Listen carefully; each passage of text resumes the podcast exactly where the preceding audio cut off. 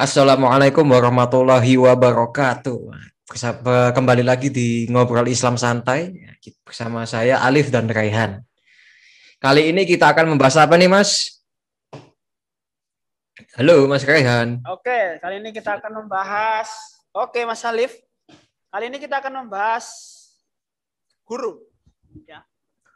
Spesiali uh, adab kepada guru ya. Adab adabnya sih. Ya, ya. Nah, adab kepada guru ini apa ini, Mas, yang dimaksud?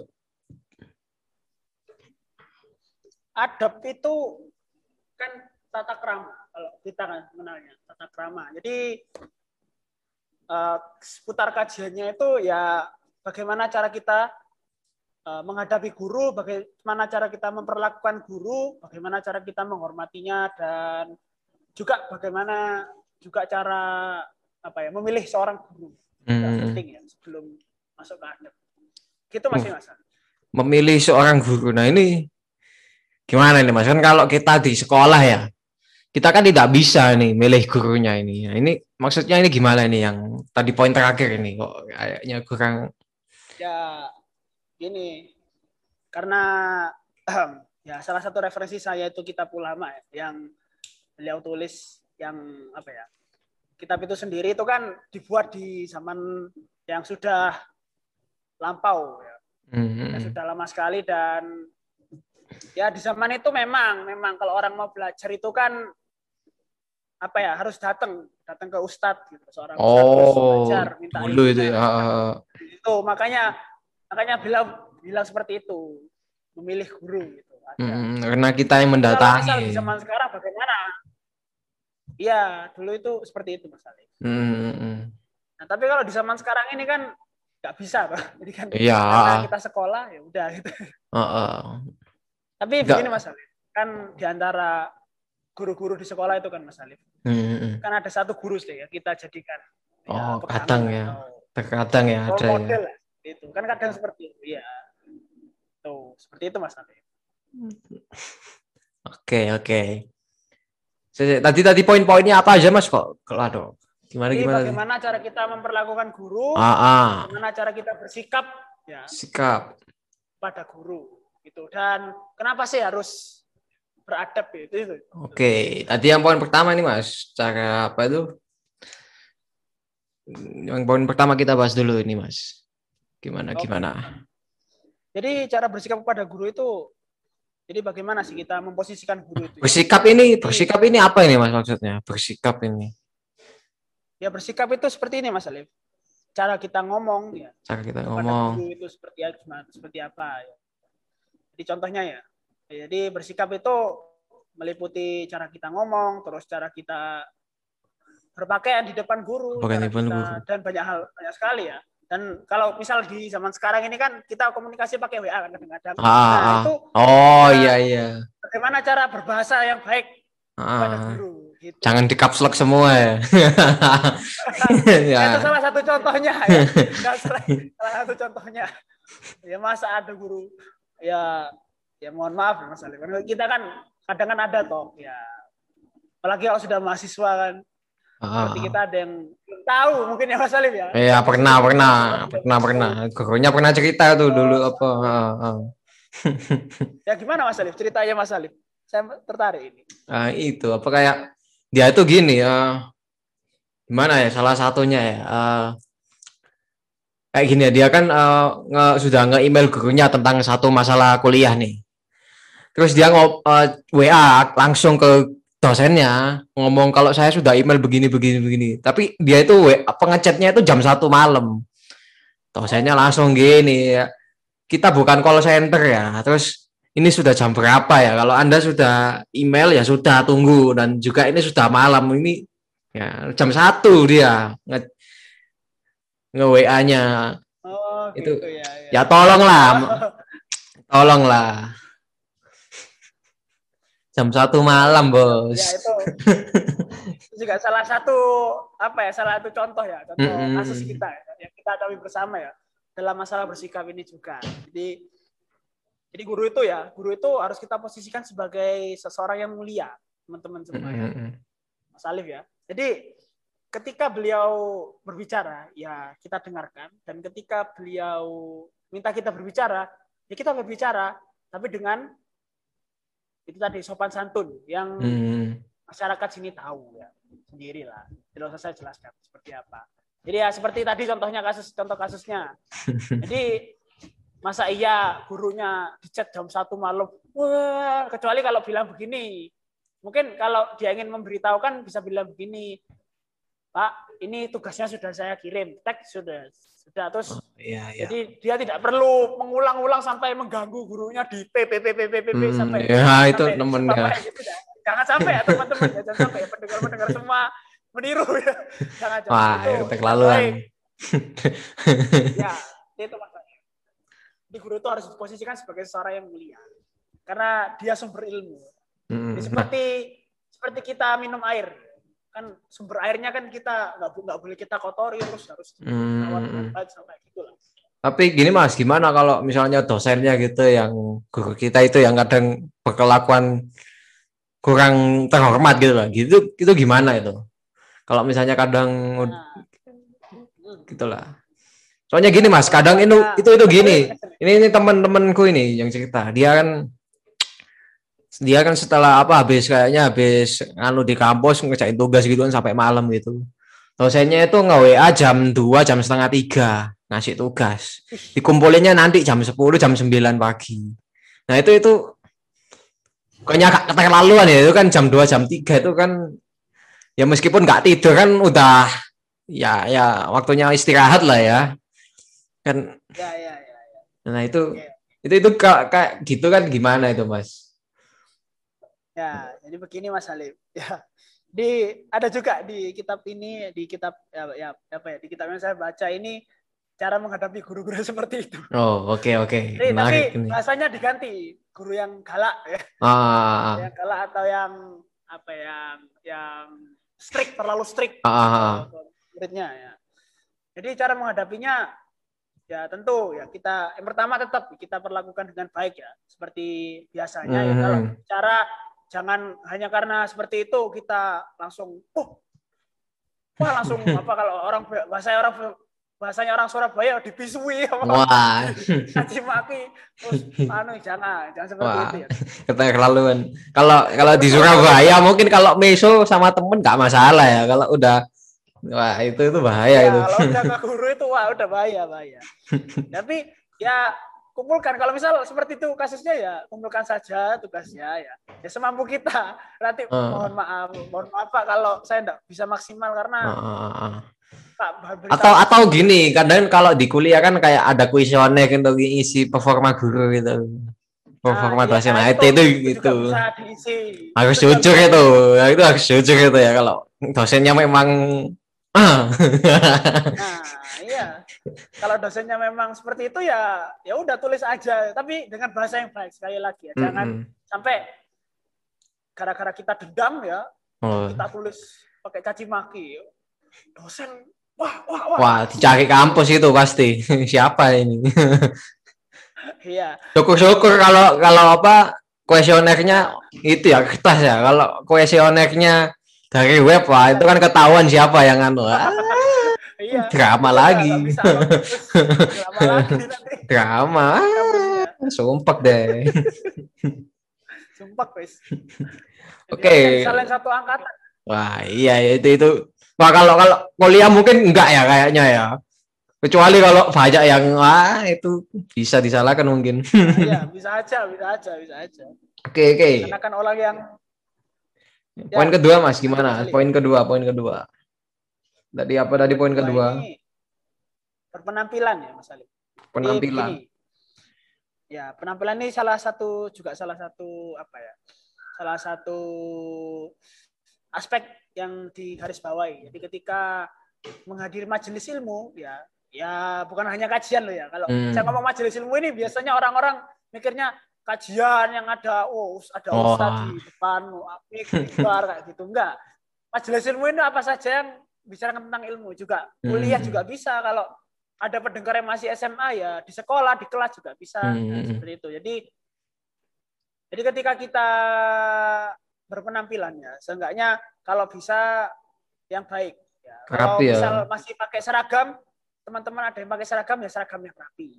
Rambutnya yang rapi, kalau bisa ditata yang rapi, yang enak. Pokoknya enak dilihat. Nah, kalau misal ada merasa teman-teman bau badannya kurang enak ya di anu dipakai parfum atau deodoran sembarang. Itu. Oke, oke. Pokoknya ketika dilihat itu enak gitu loh. Enggak nggak nggak nggak nggak ngeselin gitu kalau dilihat. Seperti itu. Mas. Tapi kayaknya kalau di majelis ilmu juga kan kalau apa mungkin hanya rapi juga kan kurang ya Mas ya. Misalnya kan kayak ya, misalnya apa kayak lagi kayak kuliah gitu kan Mas. Kalau pakai kaos terus kayak jaketan gitu kan mungkin kurang anu sandalan. Meskipun sandal apa bukan sandal jepit kan tapi kan kadang ya apa gitu ya kurang. Iya kadang kan kalau ya mungkin kalau ada guru yang bisa maklumi ya. Ya nggak masalah sih cuman kan kalau ada yang nggak bisa itu yang sulit nanti Mm, Alim. mm, mm. ya Tapi kan kalau misalnya pakai kaos atau apa kan meskipun apa kayak kaosnya ndak aneh-aneh kan ndak masalah lah. Tapi kalau kayak sandalan gitu mungkin yang kurang serk lah kok. Sandalan. Ya, intinya sih intinya sih Mas Alif ya kembali lagi ke bagaimana gurunya Oh iya. nanti iya. kalau dilihat dilihat itu nggak enak ya kalau bisa Mm. Mas Alif jadi dosennya ya kalau Mas Alif itu nggak enak ya bisa dibilang Oh kalau di aku di kampus sih kadang itu apa nggak masalah sih sandalan, kaosan yang penting itu. Oh, Tapi enak. kadang kalau Enak, temenku eh, yang di jurusan kayak apa hukum itu pakai kaos gitu ah suka keluar. oh berarti Beda tergantung tergantung dosen juga tergantung ya? dari itu. Ya mungkin aku kalau pakai sandal pakai itu kan mungkin nggak kelihatan gitu di belakang gitu mungkin. Nggak tahu juga ya. Mas ini kayaknya Tapi kalau disuruh presentasi, kalau presentasi harus pakai sepatu soalnya kan maju ya.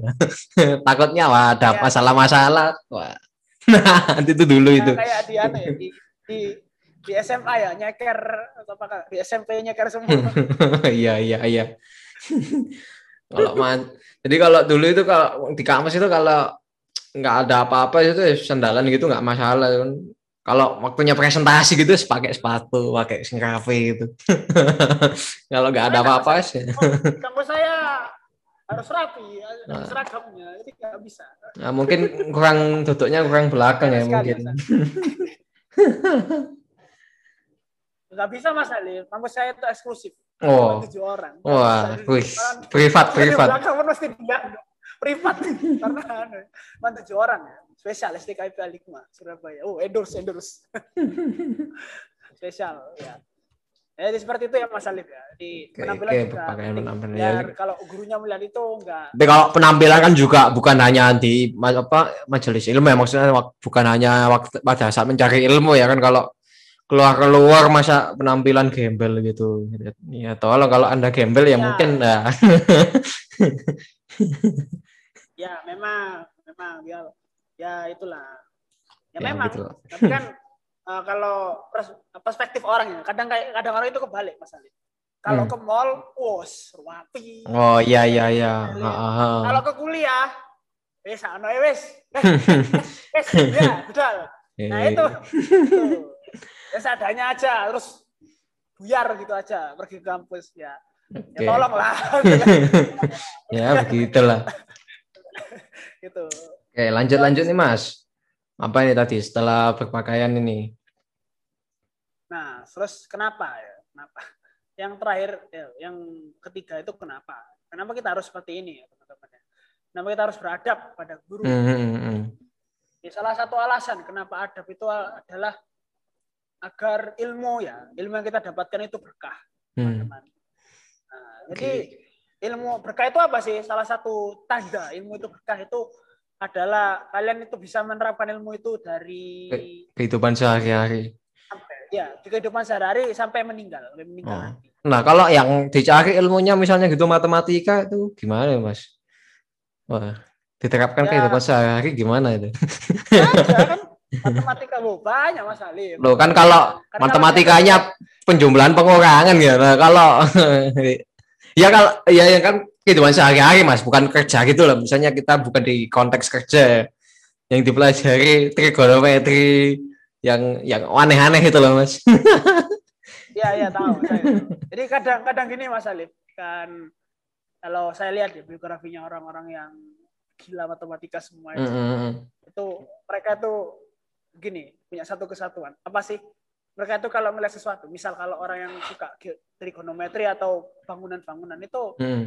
langsung mikir gitu loh langsung ngitung set set set set oh ini kalau Hmm. seperti ini gini kayak gini misal di ruangan ini ya oh ini titik garis singgungnya seperti ini anunya seperti ini dia bisa bisa membayangkan loh padahal nggak ada yang nyuruh gitu loh kan Hmm. itu maksud salah satu maksud saya salah satu apa ya berkahnya ilmu seperti itu Jadi, oke oke.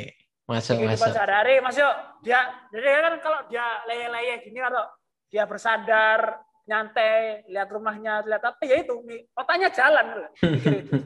Itu sa- satu kesamaan yang saya temukan di antara mereka semua. Kok bisa ya kayak gini?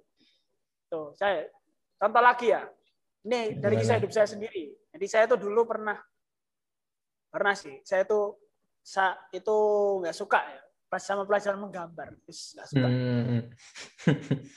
nggak suka nah, nah karena tidak suka saya otomatis nggak suka gurunya juga itu kesalahan fatal saya teman-teman Hmm. jadi teman-teman kalau misal nggak suka nggak suka suatu pelajaran, jangan nggak suka sama gurunya, pelajarannya Oh. aja, jangan sampai gurunya. Hmm. Nah itu itu kesalahan saya, fatal banget. Jadi gara-gara itu, akhirnya sampai sampai hari ini saya tidak bisa menggambar. Oh. Jadi hilang nggak ada ilmunya untuk menggambar. Bahkan untuk gambar sesuatu yang simpel pun susah tangan saya untuk digerakkan, nggak bisa.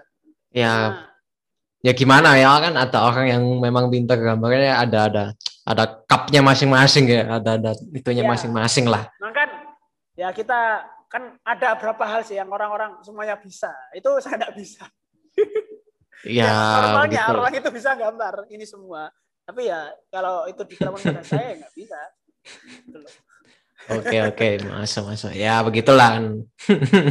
Itu biar ilmunya berkah. Jadi ya teman-teman kalau misal kuliah di jurusan apa pun itu ya, misal kuliah atau SMA jurusan apa pun, meskipun kalian nggak suka ya teman-teman ya, dengan jurusan kalian sekarang ini, ya wes kalian gitu loh. Katakanlah kalian sudah nyemplung ke kolam, ya bahasa sekalian. Wes lah Ya sekalian lah. Ya sekalian gitu aja. Jadi Pokoknya lulus lah ya kalau misalnya merasa Ya. salah jurusan. Eman Ya, udah udah kadung nyelam ya. sekalian Sekalian aja. Sekalian kalau eman lah, pindah-pindah atau gimana. Udah udah nyelam sekalian tenggelam ya. Iya, iya, gitu. Kalau udah nyelam tenggelam Iya. bisa. sekalian aja. udah Semester tua kayak kayak saya dan Mas Alif ya. Oh, Saya belum kayak belum dong. ya. Mau ya, mau ya. Mau kan, kalau semester tua ini kalau mau pindah-pindah jangan. Usah, kes- udah Usah, telat, udah telat nih. Telat, telat, telat. Wis pisan kelep. Kalian aja. sekalian. Ya gitulah. Oke, terus gini Mas, eh, kalau kan kita ini sebagai manusia ya, kan Nah, guru yang pertama kali kita dapatkan itu kan orang tua kita ya, ya Mas Alif benar. entah salah satu atau keduanya itu. Nah, itu apakah adab ini juga berlaku gitu? Iya, Berlaku juga ya. cuman eh, dalam beberapa level ya teman-teman. Ini ini yang menarik di banyak kitab Nah, gimana gimana gitu? kitab banyak kitab adab ilmu itu menarik. Jadi perkataan guru itu harus jadi antara guru dan orang tua ya teman-teman. Islam Hmm. itu menempatkan guru di posisi yang lebih tinggi Hmm. daripada orang tua. Jadi kalau misal apa yang dikatakan guru itu apa yang dikatakan orang tua itu bertentangan dengan guru, maka Anda harus mengikuti perkataan guru. Tapi tanpa tanpa tanpa apa ya? Tanpa tanpa menghilangkan rasa hormat kita pada orang tua, tanpa menghilangkan rasa bakti kita pada orang tua. Hmm. Tetap kita respect, cuman ya itu tidak kita ambil. Seperti itu. masalah. Nah, itu kan benar salahnya kan juga apa mungkin juga beberapa ilmu ya. Mungkin kalau misalnya kayak suatu kayak kan pelajaran apa kan ilmu kan bukan hanya ilmu ilmu ilmu ini kan ya Mas ya formal gitu kan. Ya, Maksudnya kayak misalnya guru apa kan kalau tapi kan juga dilihat kita kan sebagai orang kan juga lihat kan ya. Kadang kan pertama mungkin oh orang tua yang salah kan apa yang ternyata benar guru. Tapi ternyata ketika dipraktekkan yang benar dari orang tua itu kan juga tergantung konteks juga ya mas ya yang ilmunya ya, gitu juga ya seperti itu Mas Alif. Cuman kan kalau memang bertentangan ya itu tuh lebih lebih aman ngikuti guru seperti itu. Itu kata banyak ulama. Ya balik lagi ke bab tapi kan juga balik kembali lagi kan apa yang balik lagi disampaikan bagaimana juga cara kita memilih guru itu juga penting teman-teman ya. bagaimana cara kita memilih guru itu juga penting. Oh, apa yang iya iya disampaikan iya iya. Tapi kalau memilih guru mungkin yang di kalau dalam itu mungkin yang diprioritaskan orang tua juga, tapi juga tergantung sih ya. Tergantung ya. Ya tergantung. Heeh. Ya tergantung keadaan lah teman-teman. Ya kan tergantung kita juga kan menerimanya gimana. Kan yang bisa Misal kalau yang bisa menilai kan kita sendiri ya kan meskipun ya, gimana. ya, ya, Kelihatan lah. Tahu, kan? Kelihatan Yang lah. Tahu kondisi kondisi aslinya ya teman-teman ya. Di ini kan saya kan hanya menyampaikan apa ya yang mungkin mungkin terjadi saja. Mm, mm, mm. Nah, jadi adab adab pada guru ini ya berlaku pada guru ya juga bisa ke orang tua juga. Begitu. Tapi kalau, Kalau kan bisa memang di rumah itu ya berpenampilan yang baik. Ya, tapi kan kalau misalnya kayak kasus gini kan eh, kalau ke guru kan ya sebatas adab sebatas guru saja kan maksudnya kan. Kalau orang tua kan ya kan orang tua kita kan maksudnya bukan hanya guru saja toh. Ya benar Mas Alif. Ya, ada, ya makanya itu ada beberapa hal yang guru itu lebih tinggi, tapi ada beberapa hal yang orang tua itu lebih tinggi. Tergantung Misal- juga ya. Ya, jadi itu juga kan balik lagi sama Hmm. kayak anu, jadi di beberapa aspek guru itu lebih tinggi, tapi di Hmm. beberapa aspek lain orang tua yang lebih tinggi daripada guru. Mm, mm, Seperti itu. mm. Jadi balance gitu. Mm, mm. Enak. Nah mungkin kalau gini ya mungkin ya ini Mas ya kan apa tadi diprioritaskan beberapa hal kan mungkin di bagian ilmu-ilmu mungkin diprioritaskan guru kan ya mungkin mungkin juga ada kaitannya ya kan di Islam kan menuntut ilmu itu kan di nomor satu kan ya Mas ya Iya, benar mungkin juga itu salah satu penyebabnya mungkin ya Orang ulama itu memberi itu di kalau di Islam itu diberi kayak lebih tinggi sih gitu mungkin Iya, Kan- memang karena apalagi ya mungkin ini ya salah satu tradisi yang hilang ya dari kita umat Islam. Jadi dulu itu orang-orang itu ilmu pertama yang mereka pelajari itu bukan matematika tapi Hmm. anu ilmu agama pun bukan bagian akidah itu tapi ilmu fikih. mau fikih gimana itu Mas Ilmu fikih. Jadi kenapa ilmu fikih? Karena dengan ilmu fikih kita bisa tahu mana yang benar dan mana yang salah wajib, mana yang sunnah, mana yang mana yang halal mana yang mana yang haram haram, mana yang ubah dan lain sebagainya. Itu basicnya berarti ya fikih itu basic Ya. Dan ini yang menarik. Jadi kan banyak orang yang mengatakan ya, wah orang Islam itu ketinggalan zaman, nggak bisa berpikir kritis kayak gitu kan. wah wah Jadi ada ada stigma gitu ya. Hmm, maksudnya. ada Jangan stigma. Wah, ah. Wong sing belajar nang pondok itu orang yang belajar di pondok itu nggak bisa berpikir kritis apalah seperti itu kan. Apalagi kan di zaman sekarang kan berpikir kritis kan kemampuan berpikir kritis kan lagi digembar-gemborkan ya Mas wah, wah. Mas kita kan sering kan critical thinking kayak gitu ya. Hmm, hmm. Tapi nyatanya teman-temannya, nyatanya ketika sudah ketika mempelajari fikih teman-teman. Jadi teman eh, mereka itu nanti akan dihadapkan pada masalah yang nyata terjadi. Nah, dan mereka harus memutuskan ini hukumnya apa. Hmm, hmm, hmm. Itu itu menurut saya, menurut saya itu lebih lebih challenge Utama. dan Oh, lebih lebih mengasah critical thinking daripada Hmm. kita hanya mengerjakan soal atau menulis oh iya iya ah, karena kan di yang kalau dari segi manfaat ya hanya kalangan tertentu saja. Hmm, hmm, hmm. kan maksudnya kalau memang di udah kayak kehidupan nyata gitu kan ketemu yang seperti itu kan lebih memacu gitu kan ya Iya, dan itu nah mungkin karena karena seperti itu jadi akhirnya banyak. Tapi mungkin kalau yang stigma pondok itu mungkin gini mas, soalnya kan ada beberapa pondok yang kayak tertutup gitu loh mas, kan kayak apa Ah, nggak boleh ada internet, nggak Ya, boleh ya. keluar, nah, itu kan. ah, saya saya tahu itu. ah, jadi kan juga tergantung pondoknya juga kan ya. Ah, jadi eh, tapi yang yang saya sangar yang saya anu masalah. Jadi saya itu dulu ya I used to be that person, you know. Maksudnya saya itu dulu juga pernah seperti itu gitu. Seperti itu gimana? Ya memandang orang pondok itu ya gak, Oh. gak semodern aku. Hmm. Tapi ternyata saya setelah saya ajak bicara, wah gila. Oh, Berarti dari pondok yang benar ya, bukan pondok yang salah berarti. Soalnya saya kadang gitu, Iya. ya pondok Padahal biasa aja. daerah, daerah daerah di, di rumah saya di desa saya di itu, Hmm. itu pondoknya ya wes tradisional banget. Jangan harap ada internet, HP aja nggak Hmm. ada, teman-teman ya. Emang paling HP ada HP Nokia yang lama itu loh. Mereka pasti Nah itu itu nggak ada itu maksudnya memang nggak ada yang punya atau memang nggak boleh pakai gitu. ya mungkin di rumahnya punya ya. Saya saya juga kurang tahu. Soalnya kondisi perekonomiannya orang-orang sana itu ya. Oh iya iya, kan soalnya di Indonesia mungkin pondok kan kayak buat orang-orang yang enggak punya apa gitu kan, jadi kan dijadikan ah, satu gitu. Seperti itu ya. Jadi dan saya juga masih melihat apa ya berapa aspek apa ya berapa tradisi ya yang lama tidak ada. Seperti kalau misal mau daftar pondok kan kita datang ke anu bawa berkas. Kalau ini enggak, Mas Ali. Yo, gimana, gimana? Ada beberapa pondok itu yang masih mempertahankan. Jadi kita bawa anak, misalnya saya saya saya punya anak ya, hmm. saya bawa anaknya, anak saya ke ustadz ke kiai, ke kiai lah misalnya. Hmm. hmm, hmm. Orang bilang seperti itu, kiainya. Kiai saya titip anak saya di pondok, ya, langsung diurus kan. Hmm. Seperti itu, Ustaz. Jadi saya Wih, luar biasa ya. Saya masih Tapi ada loh, uh, kan kan ada kayak gitu kan orang tuanya memang tidak sanggup atau apa gitu. Tapi ada beberapa gini mas, soalnya kadang uh, aku pernah punya kenalan gini juga kadang itu kasihan gitu ya apa. Orang tuanya itu ya mampu terus pintar gitu ya. Tapi anak-anaknya itu di, di pondok ini semua. Jadi dari kecil sampai dewasa jadi ya apa gitu ya gimana ya kalau misalnya orangnya mampu loh ya kok oh, apa pak gitu loh apa nggak nggak sama orang tuanya gitu loh dari kecil gitu. Itu nah, mungkin anu mas Alif. Saya, saya juga kurang tahu. Itu kan ya juga sih cuma um, masing-masing tapi ya pikir. Mm -mm. jadi kan kadang ada orang yang ya yang ingin anaknya itu menjadi ulama atau apa ya. Ya tapi kan gini juga mas apa kan kalau tidak tak kenal maka tak sayang ya. Kan nggak semua yang dari kecil gitu kan.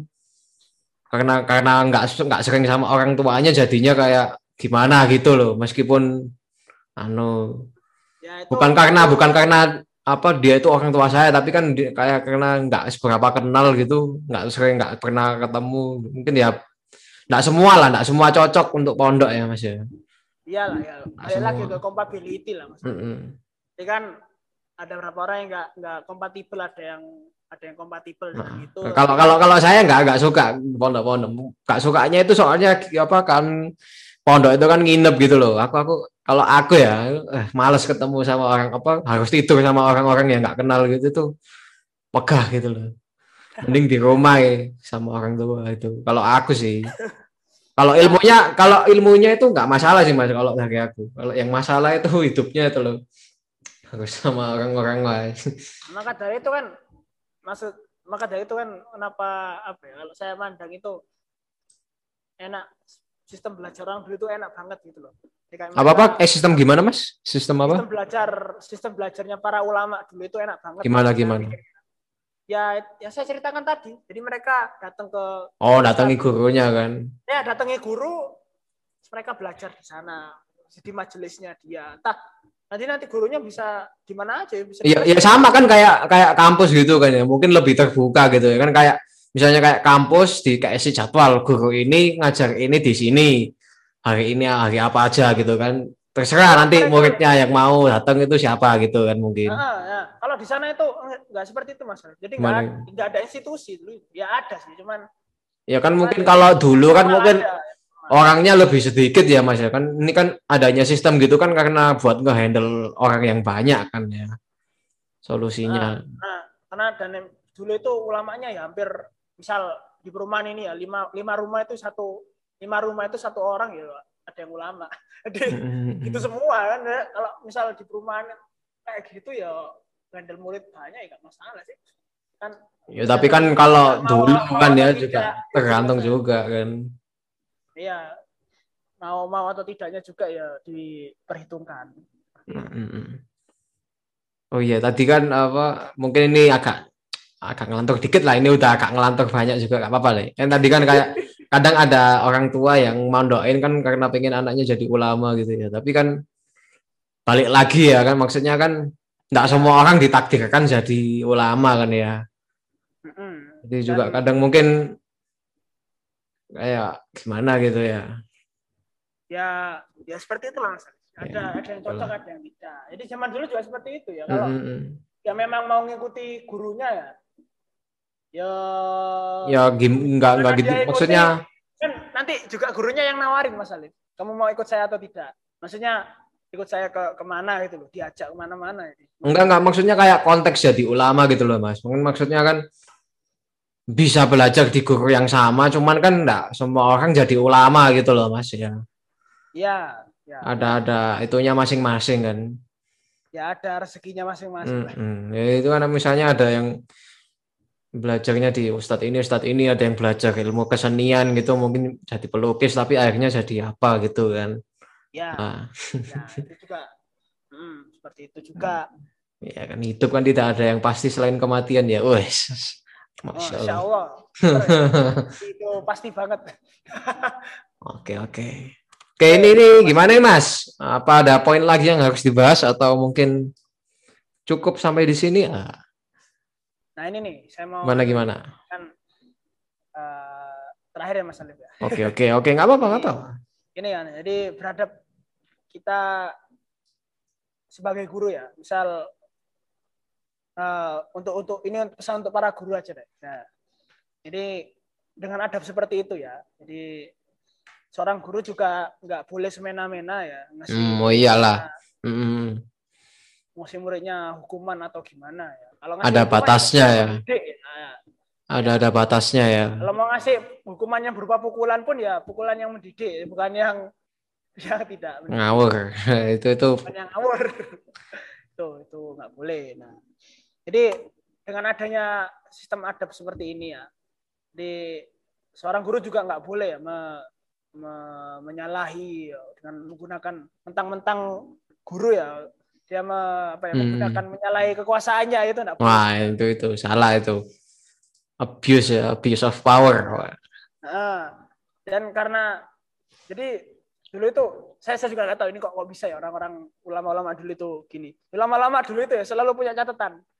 Orang yang trusted yang bisa jadikan guru sama yang enggak itu mesti ada. oh Di misal si misal di di daerah sidoarjo ini ada yang namanya ini misal siapa ya? Misal Agus gitu ya.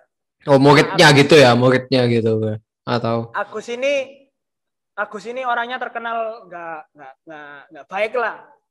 Hmm. guru tapi nggak baik. Itu mes, semua ulama oh uh, uh, uh. catatannya itu loh mas. Itu nah itu.